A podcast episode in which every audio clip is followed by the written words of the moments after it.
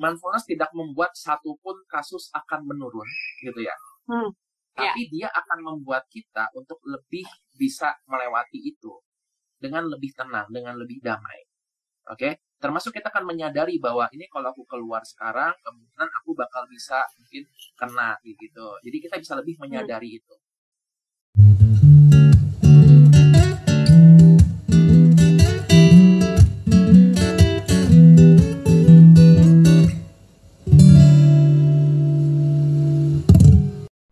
Relatif Perspektif Podcast adalah podcast yang bertujuan menjadi jembatan agar masyarakat luas paham akan isu kesehatan.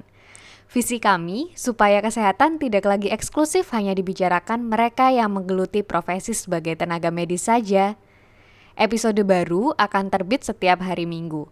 Temukan kami lebih jauh di Instagram dan Twitter @relativepers.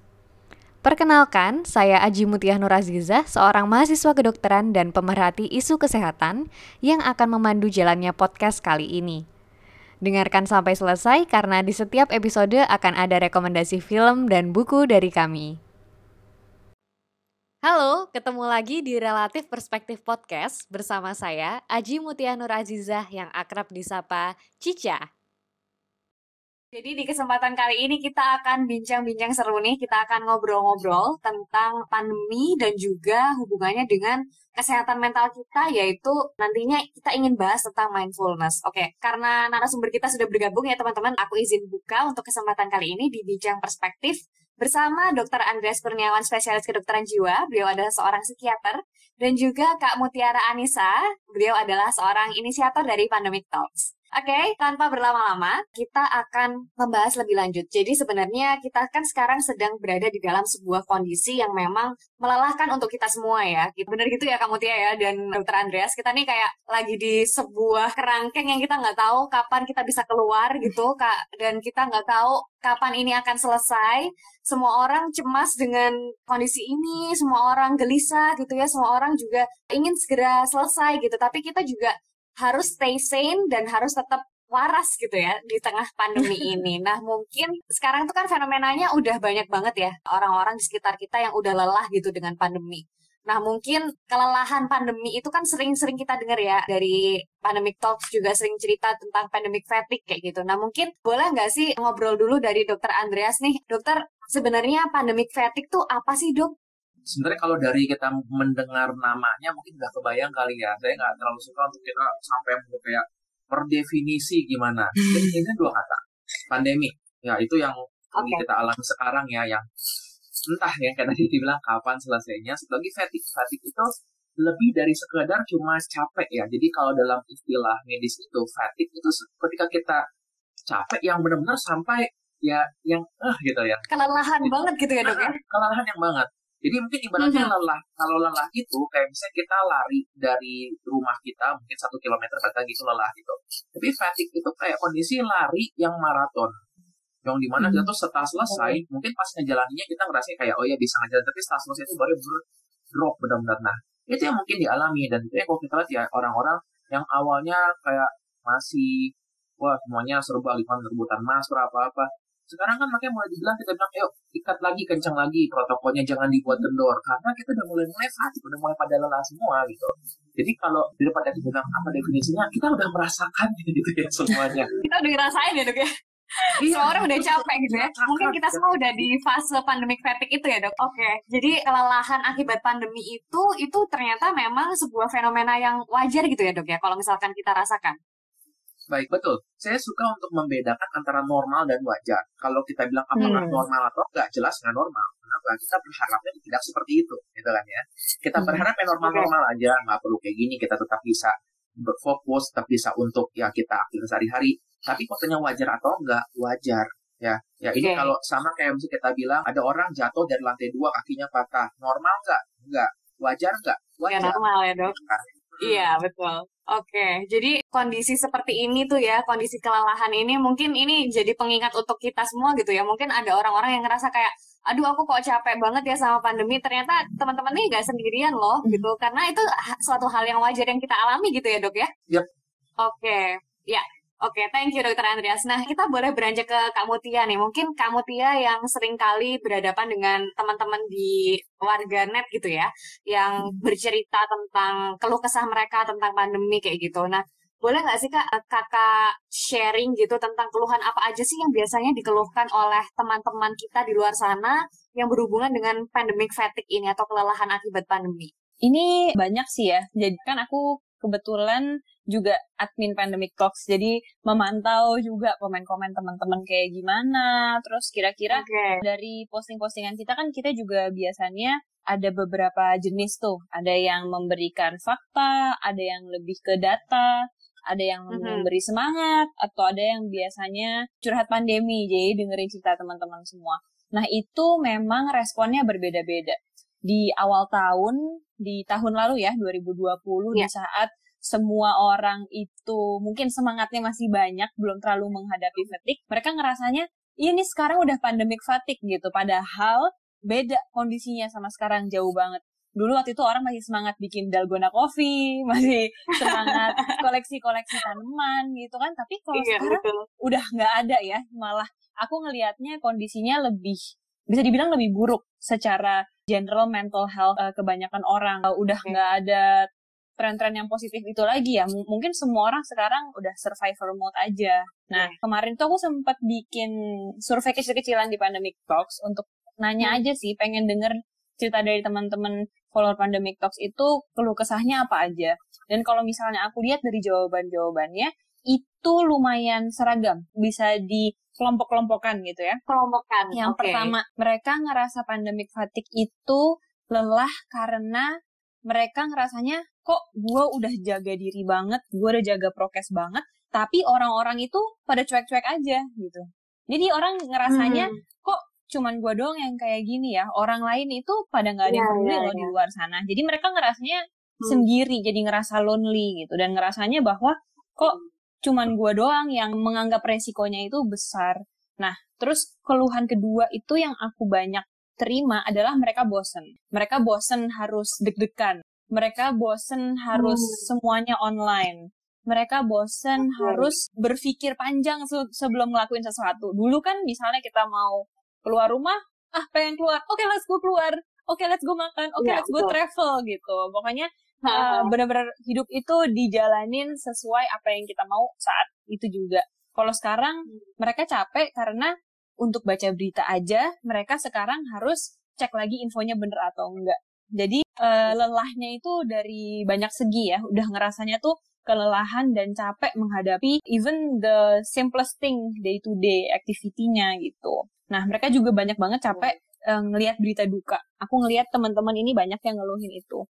Mereka sampai hmm. bilang aku nggak mau buka WA, aku nggak mau buka grup WA, aku males ngelihat Instagram. Kesan itu ya kayak. Ya? Hmm. Iya, bener banget. Jadi mereka udah ngerasanya tuh itu udah berpola kita ngelihat namanya okay. uh, eh, nyari plasma convalescence uh, ngelihat mereka nama orang ini nyari rumah sakit terus abis itu nyari plasma convalescence beberapa hari kemudian tiba-tiba ada berita dukanya jadi udah sampai ngerasanya bahwa aduh lagi nih lagi nih sedih lagi sedih lagi gitu nah yang terakhir itu adalah banyak yang sebenarnya sangat amat ngerasa mereka itu stres di rumah. Mereka tuh grieving juga karena banyak perubahan di hidupnya yang harus terjadi ya, mau nggak mau gitu ada yang merasa capek karena harus WFH tapi harus jagain anak-anaknya juga dan mereka ngerasa depresi gitu karena harus melakukan ngejagel dua hal itu.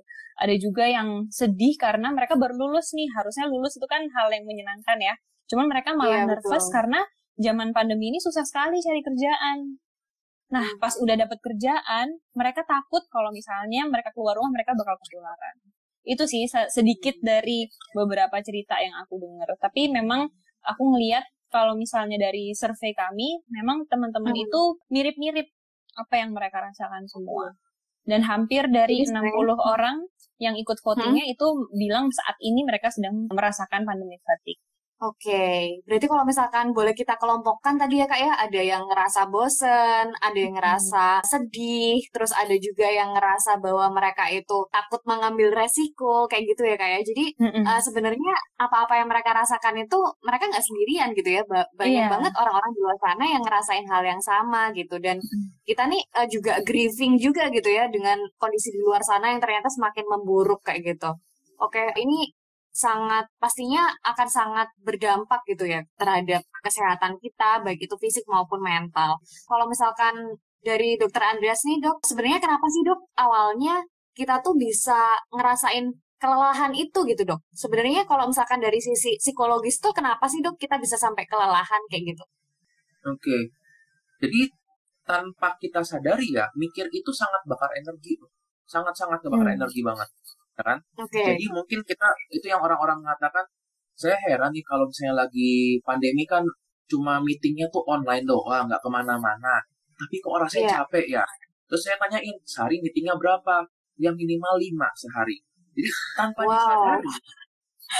Ya, karena gini, buat dia mungkin dulu lima meeting ketika masih berangkat itu kan berasa banget gitu. Sekarang kan dia merasa kayak mm -hmm. gitu kan ya. Berpikir itu yeah, sangat-sangat menguras energi banget. Nah, sekarang kita ngomongin tadi yang berhubungan dengan pekerjaan. Dan tadi saya setuju banget dengan yang ya Mbak Mutia bilang ya, dengan kita sekarang nih pergi keluar aja tuh udah mikir. Saya juga hmm. ngerasa sih ketika saya keluar rumah, simpel aja. Misalnya, waduh ini habis gitu, pergi keluar ya ke minimarket, balik-balik itu udah pikir kayak bawa barang jarahan kalau kita habis perang gitu loh yang pakai masker gini pulang ke rumah langsung mandi dulu gitu tapi memang iya emang itu pun membuat jadi berpikir banget hal-hal yang dulu kita mungkin melakukan effortless tanpa usaha sama sekali tiba-tiba jadi sesuatu yang sangat-sangat minta energi. Nah, mungkin okay. kita bisa anggap terjadi kebocoran energi yang nggak kita sadari. Tekannya, hmm. jadi kita merasa okay. mungkin kebocoran energi itu ya kalau secara fisik kita jalan, kita olahraga, itu yang kita sadari. Tapi ternyata berpikir hmm. cemas itu sangat-sangat membuat kita jadi ya tadi akhirnya bocor gitu energinya yang nggak disadari ya Makanya hmm. buat orang-orang yang menyadari mereka tuh bisa lebih untuk memanage. Jadi misalnya dia udah jadi di bawah oke okay, aku antar meeting bakal keluar dulu, mungkin bakal minum dulu. Simple aja tapi itu bisa membantu mereka untuk mengurangi tadi kebocoran tersebut kayak gitu. Oke, okay. jadi ada kebocoran itu ya dok ya bahwa kita selama ini kan kalau misalkan mau ngapa-ngapain tuh effortnya nggak banyak, tapi begitu pandemi ini harus banyak sekali effort yang kita lakukan lebih gitu cuman keluar rumah aja harus hmm. bawa hand sanitizer, harus pakai masker, harus jaga jarak sama orang, belum lagi kalau misalkan di kerumunan kita udah anxious sendiri gitu kan, itu uh, ternyata menjadi sebuah kebocoran itu ya dok ya yang akhirnya menguras betul. energi kita juga gitu. Belum lagi baca berita. Hmm. Ah ya betul betul. Berita, wah itu juga tuh.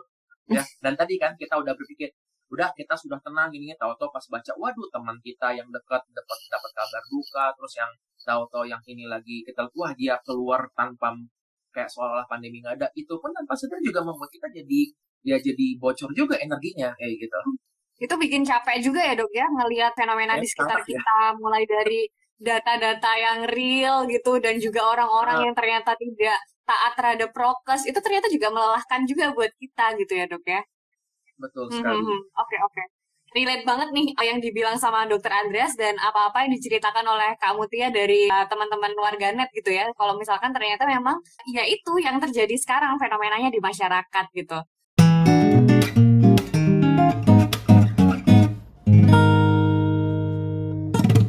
Oke, nah sekarang ini kan lagi ada lonjakan kasus gitu ya Kak Mutia dan juga dokter Andreas gitu. Dan yang kita tahu seperti yang Kak Mutia tadi sempat bilang di awal, kita kayak ngerasa ada ambulans setiap hari tuh kedengeran nggak habis-habis gitu kan. Nah itu tuh hmm. sebenarnya kenapa ya lonjakan kasus itu bisa terjadi gitu? Mungkin kalau misalkan dari dokter Andreas dulu mungkin atau dari Kak Mutia boleh boleh berbagi sedikit nggak? Kenapa sih kiranya lonjakan kasus ini bisa terjadi gitu? Mungkin Mbak Mutia dulu kali ya. Saya yakin Mbak Mutia akan lebih kompeten untuk memberikan data fakta. boleh boleh. Jadi kalau aku sih ngelihatnya memang salah satu cara untuk kita reality check saat ini kita sekarang kan di rumah. Cara kita mm -hmm. untuk reality check itu dengan buka handphone dan buka baca berita gitu. Misalnya buka ke Pandemic yeah. Talks ngelihat hari ini pertambahan kasusnya berapa atau misalnya kita pergi ke Instagram lain yang kita ngelihat grafik bentuknya sekarang udah menggunung ya. Jadi kita udah second wave nih sekarang gitu kelihatan iya, tiap betul, hari betul. dari hari naik terus naik terus naik terus gitu. Sempet turun terus habis itu naik lagi gitu. aku ngerasainnya itu rasanya seperti kayak kita malam-malam bawa senter ke hutan. Jadi rasanya tuh kayak gitu, kayak kita tuh nggak kelihatan nih sebenarnya apa yang terjadi di depan, cuman kita ngelihat dari salah satu flashlight itu aja gitu. Dan di saat kita di hutan, hmm. kita tahu kan bahwa di depan kita tuh sebenarnya banyak bahaya, banyak danger di depan kita. Tapi dangernya itu nggak kelihatan, nggak tahu ketemunya kapan, nggak tahu ketemu di mana, nggak tahu ketemunya itu apa. Itu sih sebenarnya yang membuat kenapa aku ngerasanya stres dan juga pandemic fatigue ini pasti ter- dirasakan lebih banyak orang lagi gitu. Di saat hmm. kasusnya turun, positif rate-nya rendah, itu kita rasanya kayak mungkin kita jalan di hutan, ada bahaya, tapi di siang hari gitu. Kita bisa ngelihat musuhnya di depan, kita bisa jarak pandang kita berapa meter. Tapi kalau misalnya malam-malam, itu kan pasti kita rasa intensnya lebih tinggi karena otak kita ngerasanya aduh kita ada bahaya nih tapi kita nggak tahu apa di depan dan harus menjalani hal tersebut dari hari ke hari ke hari itu kan pasti melelahkan ya dan itu menurut yeah, aku yeah. kenapa sih lonjakan kasus itu pasti ada hubungannya dengan pandemi fatigue tapi ini lagi-lagi opini aku sih dokter Andreas okay. lebih lebih paham Ya, oke. Okay. Jadi ternyata emang lonjakan kasus ini terjadi itu ternyata pengaruh juga gitu ya terhadap pandemic fatigue gitu. Kalau dari sudut pandang kamu Tia tadi seperti bagaimana kita di dalam hutan terus bawa flashlight doang, kita nggak tahu bakalan ketemu apa, di mana dan kapan gitu ya kayak. Nah mungkin kalau dari dokter Andreas nih dok, gimana sih dok fenomena lonjakan kasus ini berpengaruh nggak sih sebenarnya sama pandemic fatigue itu dok? Saya rasa tadi yang dijelaskan oleh Mbak Mutia tuh udah luar biasa banget ya itu sudah yang mungkin menggambarkan apa yang kita khawatirkan, yang kita pusingkan selama ini Tadi gimana mm -hmm. apakah lonjakan kasus ini berpengaruh ke pandemi fatigue? Saya rasa iya juga gitu. Jadi gini, mm. um, manusia tuh punya coping mechanism namanya, ya mekanisme defense kita, mekanisme pertahanan ketika berhadapan dengan stres. Misalnya waktu okay. awal awal pandemi, orang-orang stres lalu muncullah fenomena kayak kita bikin dalgona coffee gitu. Terus akhirnya hmm. orang-orang mulai yang kayak oh mengumpulkan tanaman. Suka tanaman gitu ya. Ya, itu cara coping kita gimana mekanisme kita bertahan terhadap stresor. Jadi kita mungkin melakukan hmm. distraction, kita memberikan harapan. Makanya kan banyak yang bilang bahwa oh selama pandemi ini sebenarnya banyak yang bisa kita lakukan di rumah. Bahkan sebenarnya ya IG Live jadi banyak berkembang. Itu kan juga salah hmm. satunya adalah akibat dari pandemi juga. Pandemi, nah, iya betul. Nah, jadi itu adalah cara coping manusia. Sayangnya gini, namanya coping mekanisme atau mekanisme kita melawan stres itu ada tahapnya di mana itu nggak akan efektif lagi. Oke, okay, misalnya hmm. kayak awalnya kita mungkin eksperimen dengan hal baru, ada orang yang mencoba untuk belajar bahasa, belajar musik, menggambar dan lainnya, sampai tahap yang kayaknya ini udah ini udah capek. Nah, coping mechanism itu bukan hanya distraction. Distraction itu salah satunya, ya, gimana kita hmm. memindahkan perhatian kita. Oh ini pandemi, hmm. ya udah aku alihkan ke yang lain dulu. Akan ada saat di mana kita akan menggunakan defense mechanism yang lain atau coping mechanism yang lain. Salah satu adalah denial, penyangkalan. Makanya kan kita bisa melihat ya ada, saya nggak bicara bahwa semua orang mengalami itu, tapi ada beberapa yang saya mulai melihat orang-orang adalah kayaknya gue nggak bakal kena denial gitu kan. Hmm. Kayaknya ada, tapi sebenarnya nggak seberbahaya itu denial juga kayak gitu. Bahkan orang yang sudah pernah mengalami pun ya, saya pernah melihat ada yang seperti itu juga.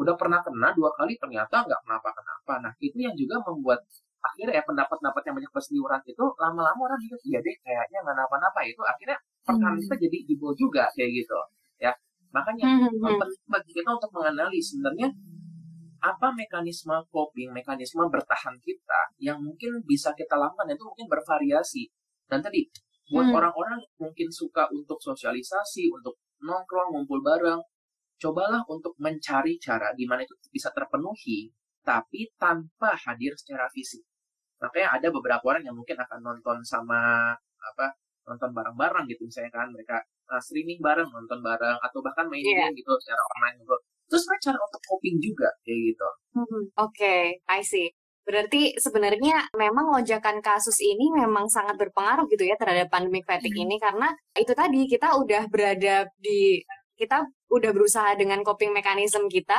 tapi lama kelamaan itu juga bisa aus juga gitu ya dok ya. Bisa bisa lama lama-lama habis juga gitu.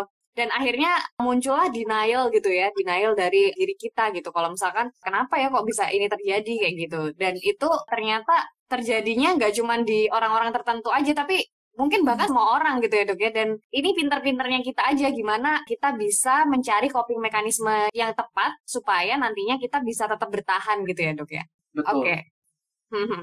Oke, siap. Nah, sekarang nih kalau misalkan dengan adanya lonjakan kasus, itu kan juga ada PPKM tuh ya. PPKM yang ternyata diperpanjang gitu. Nah, ternyata perpanjangan dari PPKM ini kira-kira bisa ngaruh juga nggak ya ke pandemic fatigue itu dari kalau mungkin dari Kak Mutia mungkin Kak ada cerita mungkin Kak dari teman-teman warganet Iya, kalau misalnya untuk perpanjangan PPKM itu kebanyakan keluhannya adalah masalah finansial. Jadi banyak hmm. sekali teman-teman pandemic talks yang cerita bahwa ya selama pandemi ini mereka kehidupannya jadi tidak stabil sebelumnya gitu. Banyak teman-teman yang jadi harus kerja serabutan terus dan mereka nggak tahu kapan kerja serabutannya ini harus berakhir dan kapan bisa kembali ke pekerjaan sebelumnya. Banyak juga yang itu lagi belum pernah kerja dan susah hmm. mencari kerja karena perpanjangan PPKM ini kan sebenarnya membuat orang jadi harus stay di rumah sedangkan banyak pekerjaan yang tidak bisa dilakukan hanya dilakukan di rumah di saja. Rumah.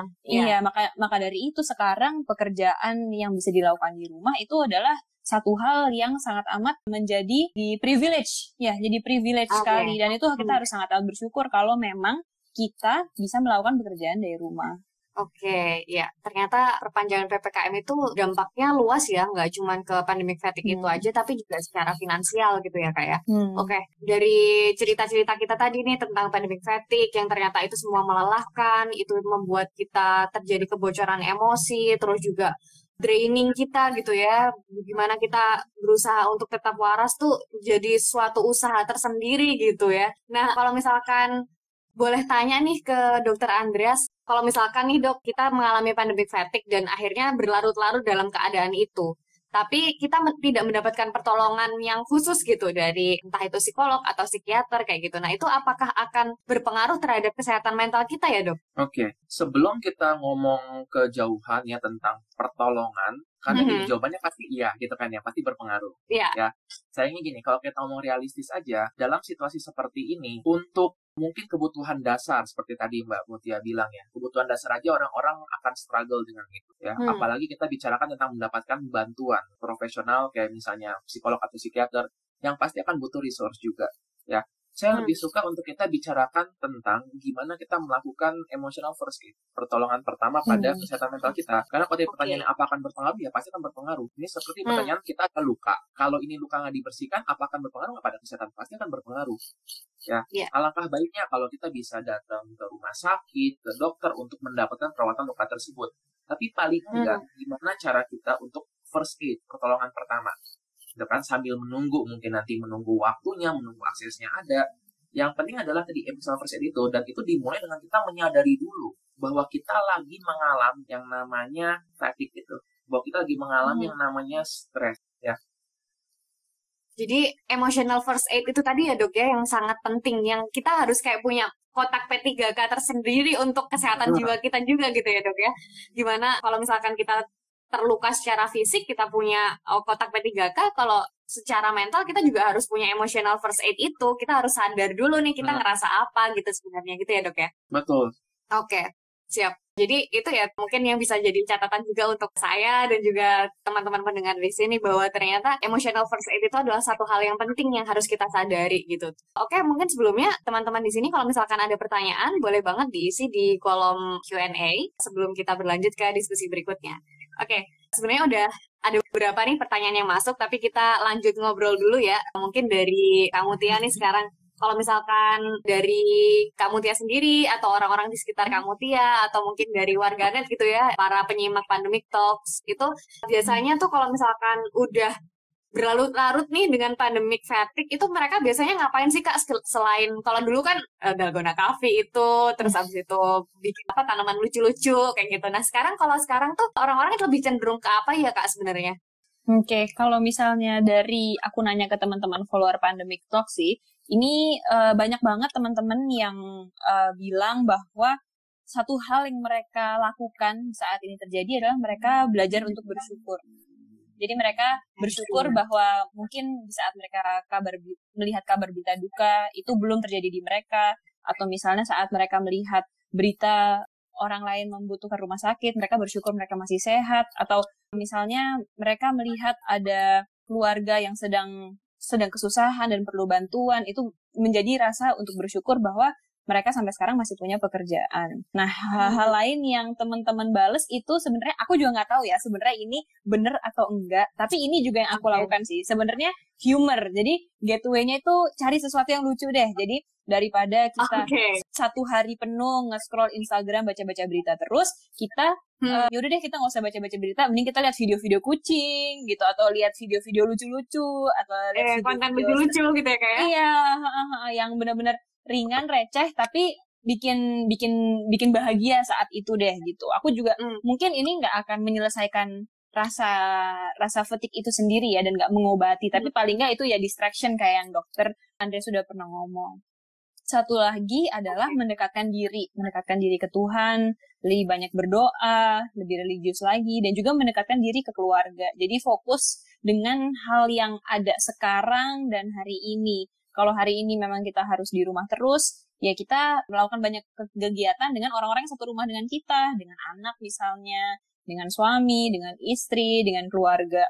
Itu sih kayaknya yang teman-teman ucapkan sama yang terakhir itu adalah self care. Jadi prioritaskan diri kita sendiri. Oh, Kalau misalnya memang kita lagi capek, dengarkan badan kita, dengarkan pikiran kita dan beri jarak apabila kita memerlukan itu. Itu sih hmm. yang dari teman-teman follower pandemic talks ya. Oke, okay. ada beberapa poin ya, bagaimana kita bisa merasa lebih grateful, lebih bersyukur gitu atas apa yang kita alami, kemudian juga humor uh, yang bisa menjadi distraction buat kita gitu ya. Mungkin bersifat sementara, tapi itu ternyata bisa bisa juga ya dok, dibilang emotional first aid bisa nggak dok? distraction tuh bisa, ya ya? ya seperti okay. tadi kan yang kita bilang buat tiap orang akan milik kotaknya masing-masing gitu mm. ya mungkin bagi beberapa orang uh, tadi yang disebutkan itu pada dasarnya adalah coping mekanisme yang berbeda-beda reframing mm. misalnya kita mengubah cara pandang kita tadi kan bahwa kalau misalnya kita stres terus berpikir ya udah paling enggak saya masih tadi ada satu yang mungkin ya kita berpikir bahwa saya masih bisa untuk mendapatkan kesehatan hari ini saya masih bisa bernafas dengan baik itu salah satu reframing memang kalau kita ngomongin secara ininya ya, kalau ngomongin cara etisnya, kok kayaknya kita bersyukur atas penderitaan orang lain gitu kan itu hmm, memang yang hmm, hmm, agak hmm. agak negatifnya juga kayak gitu jadi Di kayak banding bandingin gitu ya dok ya betul uh -uh. jadi ini juga perlu dilakukan dengan dengan bijaksana juga ya misalnya ya jangan sampai hmm. kita memposting itu di sosial media malah nanti orang salah nangkap yang akhirnya malah jadi serang hmm. balik. Humor itu juga salah satu coping mechanism yang matur, yang bagus, yang itu membuat kita tadi itu tidak membuat mungkin ini dia nggak membuat badai itu mereda ya dengan hmm. kita humor itu nggak membuat covid mereda tapi itu bisa membuat kita lebih bisa bertahan melewati itu gitu okay. atau tadi Seenggaknya kita dengan, punya payung gitu ya dok ya betul uh, atau tadi dengan keagamaan rohani ya kerohanian keagamaan juga salah satu coping mechanism yang bisa kita lakukan kayak gitu. Jadi hmm. sebenarnya tiap orang tadi saya ada berapa juga yang nanya kan di komen emotional force itu seperti apa. Kita yang mungkin akan menentukan itu sendiri. Tiap orang akan memiliki berbeda-beda. Bahkan kadang-kadang kita tahu kita sudah punya kotak itu, tapi kita lupa bahwa kita punya kotak tersebut. Oke, okay. jadi pentingnya kita menyadari bahwa emotional first aid itu kita itu seperti apa gitu ya. Mungkin dari yang kamu Tia sebutkan tadi itu merupakan emotional first aid dari hmm. beberapa orang gitu ya, dari beberapa kelompok gitu. Di mana kita juga self care juga, terus akhirnya deket sama keluarga, deket sama Tuhan kayak gitu. Nah itu mungkin menjadi cara-cara kita untuk survive nih.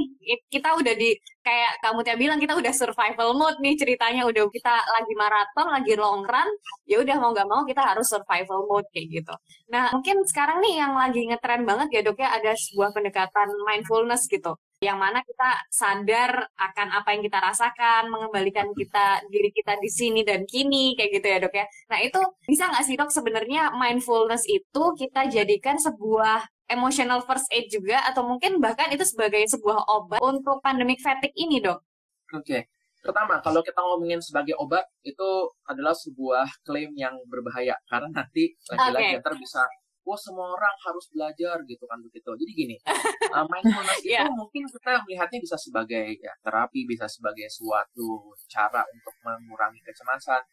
Tapi yang penting hmm. ini, mindfulness itu adalah bagi saya simpelnya adalah kita hidup dengan mata terbuka, dengan telinga terbuka. It's about awareness tentang kita sadar jadi mindfulness itu bukan suatu cara untuk kita tiba-tiba jadi nggak cemas.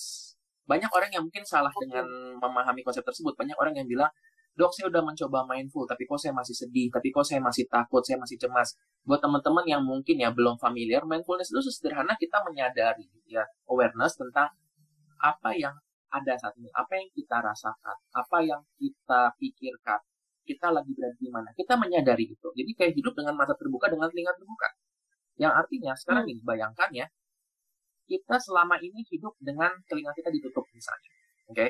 terus suatu hari ada orang yang memasang alat, kita bisa mendengarkan. Bayangkan ketika itu terjadi, yang kita dengarkan adalah suara teriakan, suara piring pecah, suara klakson, petasan meledak. Kita bisa beranggapan bahwa ternyata mendengar itu nggak menyenangkan. Itu buat apa hmm. saya mendengar? Orang yang saya dengarkan ini semuanya nggak menyenangkan. Nah, banyak yang okay. mungkin mempelajari mindfulness dan merasakan kayak gitu ketika mereka mulai menyadari. Tadi ada beberapa yang bilang mindfulness itu bikin capek. Betul, itu karena mindfulness itu kita kan menyadari bahwa oh ya aku menyadari bahwa aku lagi merasa cemas aku menyadari bahwa aku hmm. jadi nggak bisa untuk berkumpul dengan teman-temanku aku jadi kecewa aku jadi kangen sama mereka hmm.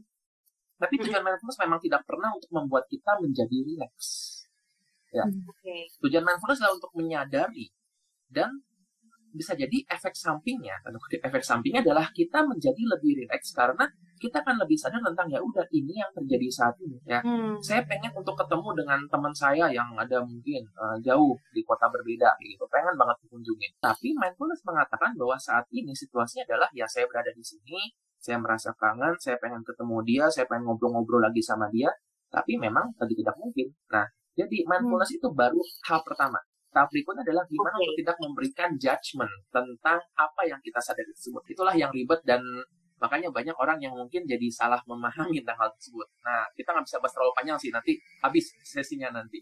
Ya. Oke, okay. intinya adalah mindfulness itu sadar secara penuh gitu ya dok ya. Kita membuka mata, kita membuka telinga gitu ya. Kita sadar secara penuh apa-apa saja yang kita rasakan, apa-apa saja yang ada di sekeliling kita, apa-apa saja yang terjadi dalam hidup kita kayak gitu. Dan yang terjadi saat ini gitu ya dok ya. Nggak bawa, nggak traveling ke masa lalu, nggak traveling ke masa depan kayak gitu ya dok ya. Betul. Mindful itu. Mm-hmm. Jadi kita okay, okay. stay in the present moment itu aja. Dan tadi susahnya adalah untuk membuat kita tidak tidak judgment, tidak judgmental, tidak membenci itu, tidak mengutuk itu, bahkan termasuk tidak memuji ataupun menyenangi itu gitu. Itu just ya is as, as it is gitu. Itu yang susahnya. Oke. Okay. kalau misalkan ngomongin susahnya itu tadi udah beberapa kali dibahas ya dok ya. Tapi kalau misalkan manfaat dari mindfulness itu sendiri sebenarnya banyak nggak sih dok manfaatnya? Banyak banget. Kalau kita melakukan mindfulness ya dengan sesuai gitu dengan mungkin ada yang bisa memandunya ada yang bisa diajak konsultasi untuk diskusi tentang itu kita hmm. akan mengubah cara kita menjudge sesuatu. Oke? okay? Jadi karena gini, yang bikin kita menderita itu sebenarnya belum tentu kejadiannya, tapi gimana kita menjudge, gimana kita menilai kejadian tersebut. Oke, okay? misalnya kita lagi hmm. jalan terus tahu-tahu ada orang keplak kepala kita dari belakang. Hmm. Biasanya kita responnya mungkin akan marah gitu. Tapi yeah. ternyata respon kita berbeda tergantung siapa yang mukul. Kalau yang mukul teman lama kita yang udah lama ketemu, kita bakal senang. Kalau yang mukul artis favorit kita, kita nggak bakal cuci rambut. Kita bakal biarin aja gitu. Padahal kejadiannya sama. Sama-sama ada tangan, kena kepala. Sama-sama dipukul. Nah, itulah yang membuat berbeda.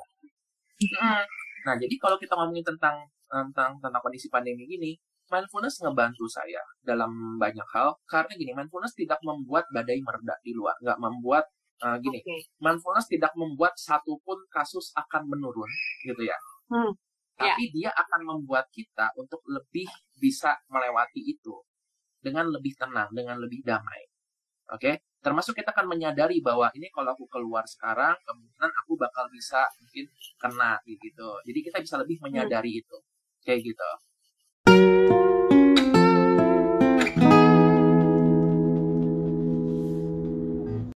Oke, jadi kita punya tameng gitu ya dok istilahnya untuk menghadapi badai yang begitu besar ini kita punya perlindungan yang lebih gitu ya supaya kita tuh tetap tetap bisa survive gitu di di pandemi ini.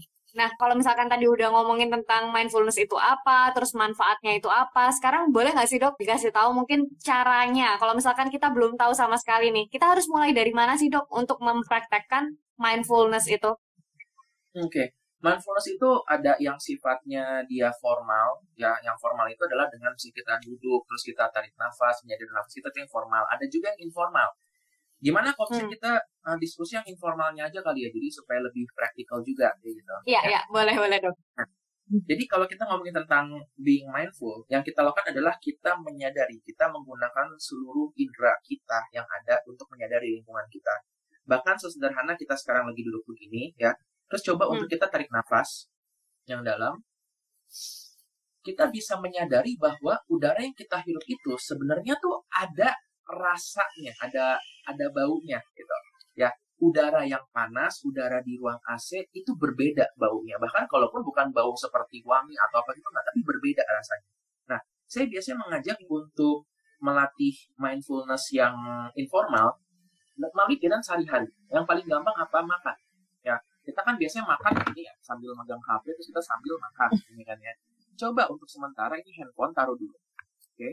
Terus kita coba untuk ketika makan, kita benar-benar menyadari apa yang kita makan. Hmm. Jadi memang kita kita pelan-pelan, kita dari proses yang megang sendoknya, terus kita lihat ini, anggaplah kayak kita seperti anak kecil yang baru pertama kali makan, yang penuh dengan curiosity, penuh dengan rasa penasaran.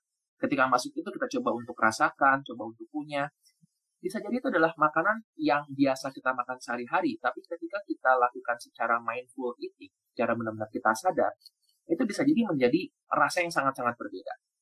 Ya, itu sebenarnya terjadi pada orang-orang yang misalnya ketika habis kelaparan, tiba-tiba dapat makan, makannya lahap banget. Karena orang yang lagi kelaparan, makannya nggak sambil lihat HP, mereka fokus ke makanan tersebut, gitu kan?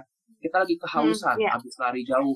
Ketika minum, coba deh orang yang kehausan itu minumnya benar-benar kayak itu tuh air itu adalah nikmat banget gitu ya dok ya? Dunia. Iya, benar-benar yang kayak ini benda paling berharga di dunia saat ini. Nah, itu yang membuat pengalaman itu jadi berbeda. Bahkan bisa juga untuk ketika kita lagi mandi. Lagi kena shower atau pakai gayung, biasanya kita langsung biur-biur. Coba sekarang pelan-pelan dan rasakan. Air itu mengalir. Awareness, udah itu aja. Kadang-kadang kita akan jadi bisa menikmati hal-hal yang kita lewati selama ini. Membersihkan badan, gosok gigi, kita bisa merasakan, oh ada sisi, ini ada rasa-rasa kayak sejuknya. Itu sebenarnya juga bisa sangat-sangat ngebantu kita melewati kembali ya. Dia nggak meredakan badai yang ada di luar mungkin nggak membuat cemas kita hilang tapi membantu kita melewati cemas tersebut. Ya karena pada akhirnya yang kita lakukan bisa cuma melewati itu. Gitu kan kita nggak ada pilihan lain. Nggak bisa iya, iya. tiba-tiba pindah ke tahun depan gitu atau mundur dua tahun lalu. Nggak bisa. Iya kita menyadari gitu ya dok ya. Intinya adalah bagaimana kita aware gitu ya dengan segala indera yang kita punya kita aware kita sadar hingga akhirnya kita bisa merasa lebih tenang gitu. Mungkin bukan langsung menghilangkan cemas atau langsung menghilangkan sedih kayak gitu tapi itu bisa membantu kita untuk lebih tenang lebih bisa memaknai apa yang kita lakukan sekarang kayak gitu ya dok ya. Betul sekali. Bahkan ketika kita hmm. mindful kita bisa menyadari bahwa kita lagi cemas nggak perlu diusir dengan oh, banyak orang okay. yang itu aduh nggak boleh cemas nggak boleh cemas coba mm -hmm. aja mm-hmm. nggak bakal berhasil justru ketika kita mencoba musir dia akan balik lagi sama kayak kalau kita bilang ya fenomena kamu boleh mikirin apa pun saat ini tapi kamu nggak boleh mikirin pisang apalagi pisang warna kuning itu nggak boleh mikirin gitu jadi ketika dibilang nggak boleh kita malah kepikiran tentang itu jadi mindfulness okay. membuat kita menyadari bahwa ya aku lagi cemas aku lagi stres aku rasanya pengen meledak udah dan nanti gimana cara kita untuk tidak menjudge itu kayak gitu. Hmm, Oke, okay. jadi kuncinya adalah sadar, kemudian nantinya akhirnya lebih tenang, dan kita tidak menjudge apa yang sedang kita rasakan kayak gitu ya dok ya. Jadi itu uh, mungkin menjadi sebuah poin yang bisa mulai kita terapkan gitu ya.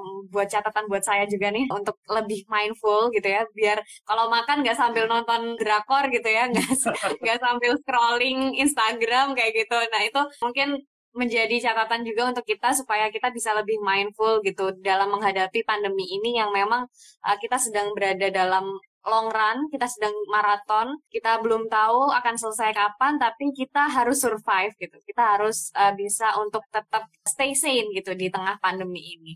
Oke, mungkin itu tadi banyak banget ya obrolan dari Kak Mutia, obrolan dari Dokter Andreas tentang kondisi pandemi ini, pandemi fatigue, dan akhirnya bagaimana kita mengatasinya dengan coping mechanism, dengan juga emotional first aid, dan juga dengan mindfulness itu sendiri. Nah, mungkin sebagai penutup nih Kak Mutia dan juga Dokter Andreas, ada nggak sih pesan-pesan mungkin yang ingin disampaikan? Mungkin dari Kak Mutia dulu ya. Ada nggak sih uh, pesan dan harapan mungkin dari Kak Mutia untuk seluruh masyarakat yang menonton live kali ini itu pinginnya kayak gimana sih Kak dalam menghadapi pandemi ini? Oke, okay, bener banget sih Kak. Kalau misalnya memang kita sekarang lagi di maraton yang sangat panjang ya rasanya. Kita masih nggak tahu nih finish line-nya kapan.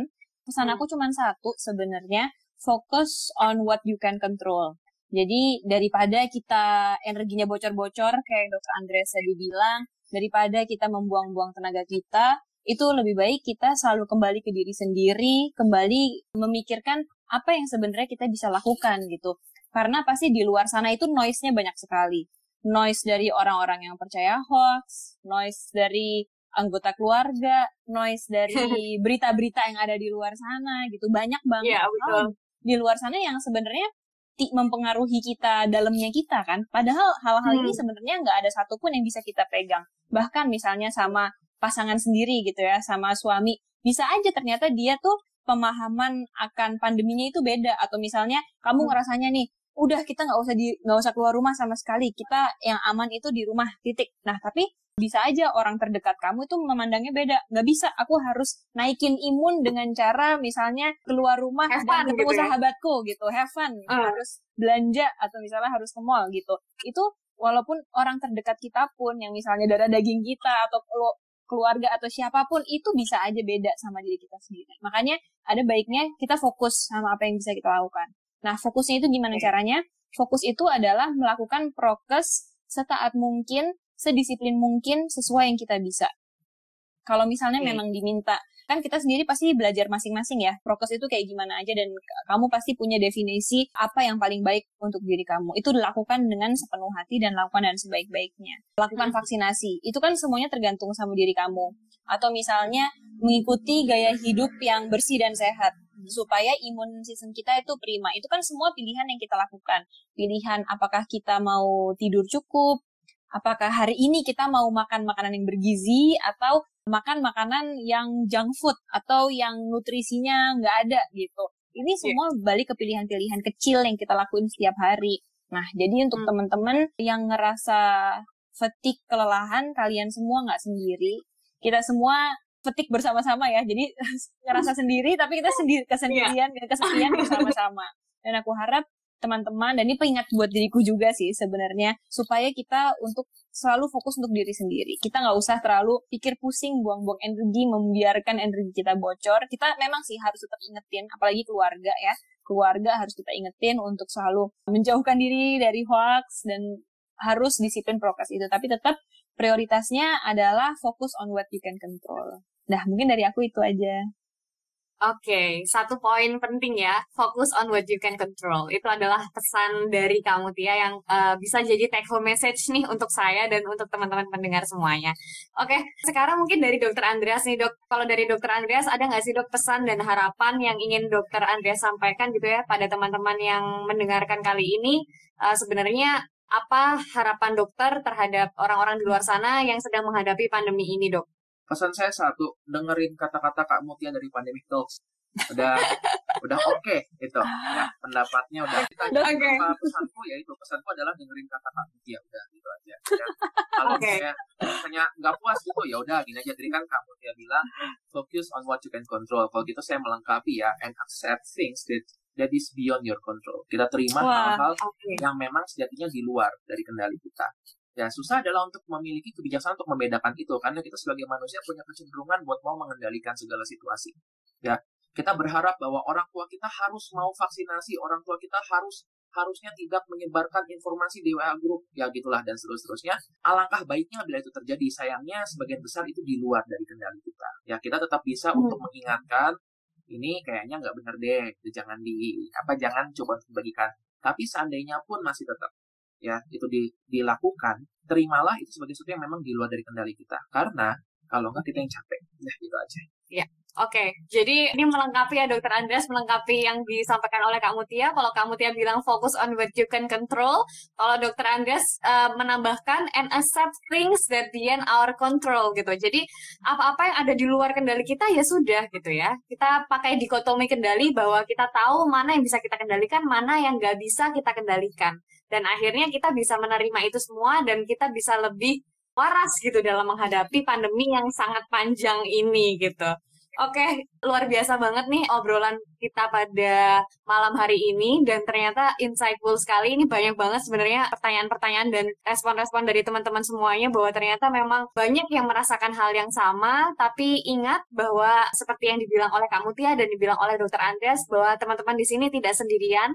Kita semua sedang menjalani suatu fase yang panjang dan itu wajar terjadi. Yang paling penting adalah bagaimana kita memiliki emotional first aid bagaimana kita bisa mempunyai coping mechanism terhadap stres yang kita alami dan hingga akhirnya kita bisa mindful dan menghadapi apa-apa yang kita hadapi itu dengan dikotomi kendali. Bagaimana kita melihat sesuatu yang bisa kita kontrol dan mana yang nggak bisa kita kontrol. Oke, mungkin itu adalah satu pesan yang bisa saya ringkas ya dari kamu Tia dan juga Dokter Andreas. Terima kasih banyak atas kesempatannya untuk berbagi pada malam hari ini. Saya selaku host dari Relatif Perspektif mengucapkan uh, pamit undur diri dan terima kasih banyak atas ilmu dan juga sharing-sharing yang diberikan oleh Kamu Tia dan Dokter Andreas. Thank you Kamu Tia, Dokter Andreas. Oke, okay. terima kasih banyak sudah bergabung. Sebuah kehormatan bagi kami. Semoga apa-apa yang kita bicarakan tadi bisa bermanfaat dan bisa berpengaruh juga ya untuk membantu orang-orang di luar sana yang sedang mengalami pandemic fatigue kayak gitu.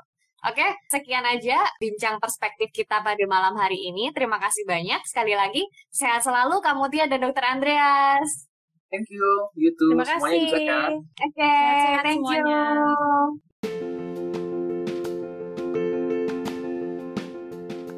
Jangan lupa, kalau kalian suka dengan episode podcast ini, follow podcast kami dan share ke teman-teman kalian yang lain, supaya mereka juga bisa mendapatkan manfaat seperti yang kalian juga dapatkan. Jangan lupa juga untuk follow Twitter dan Instagram kami di @relativepers.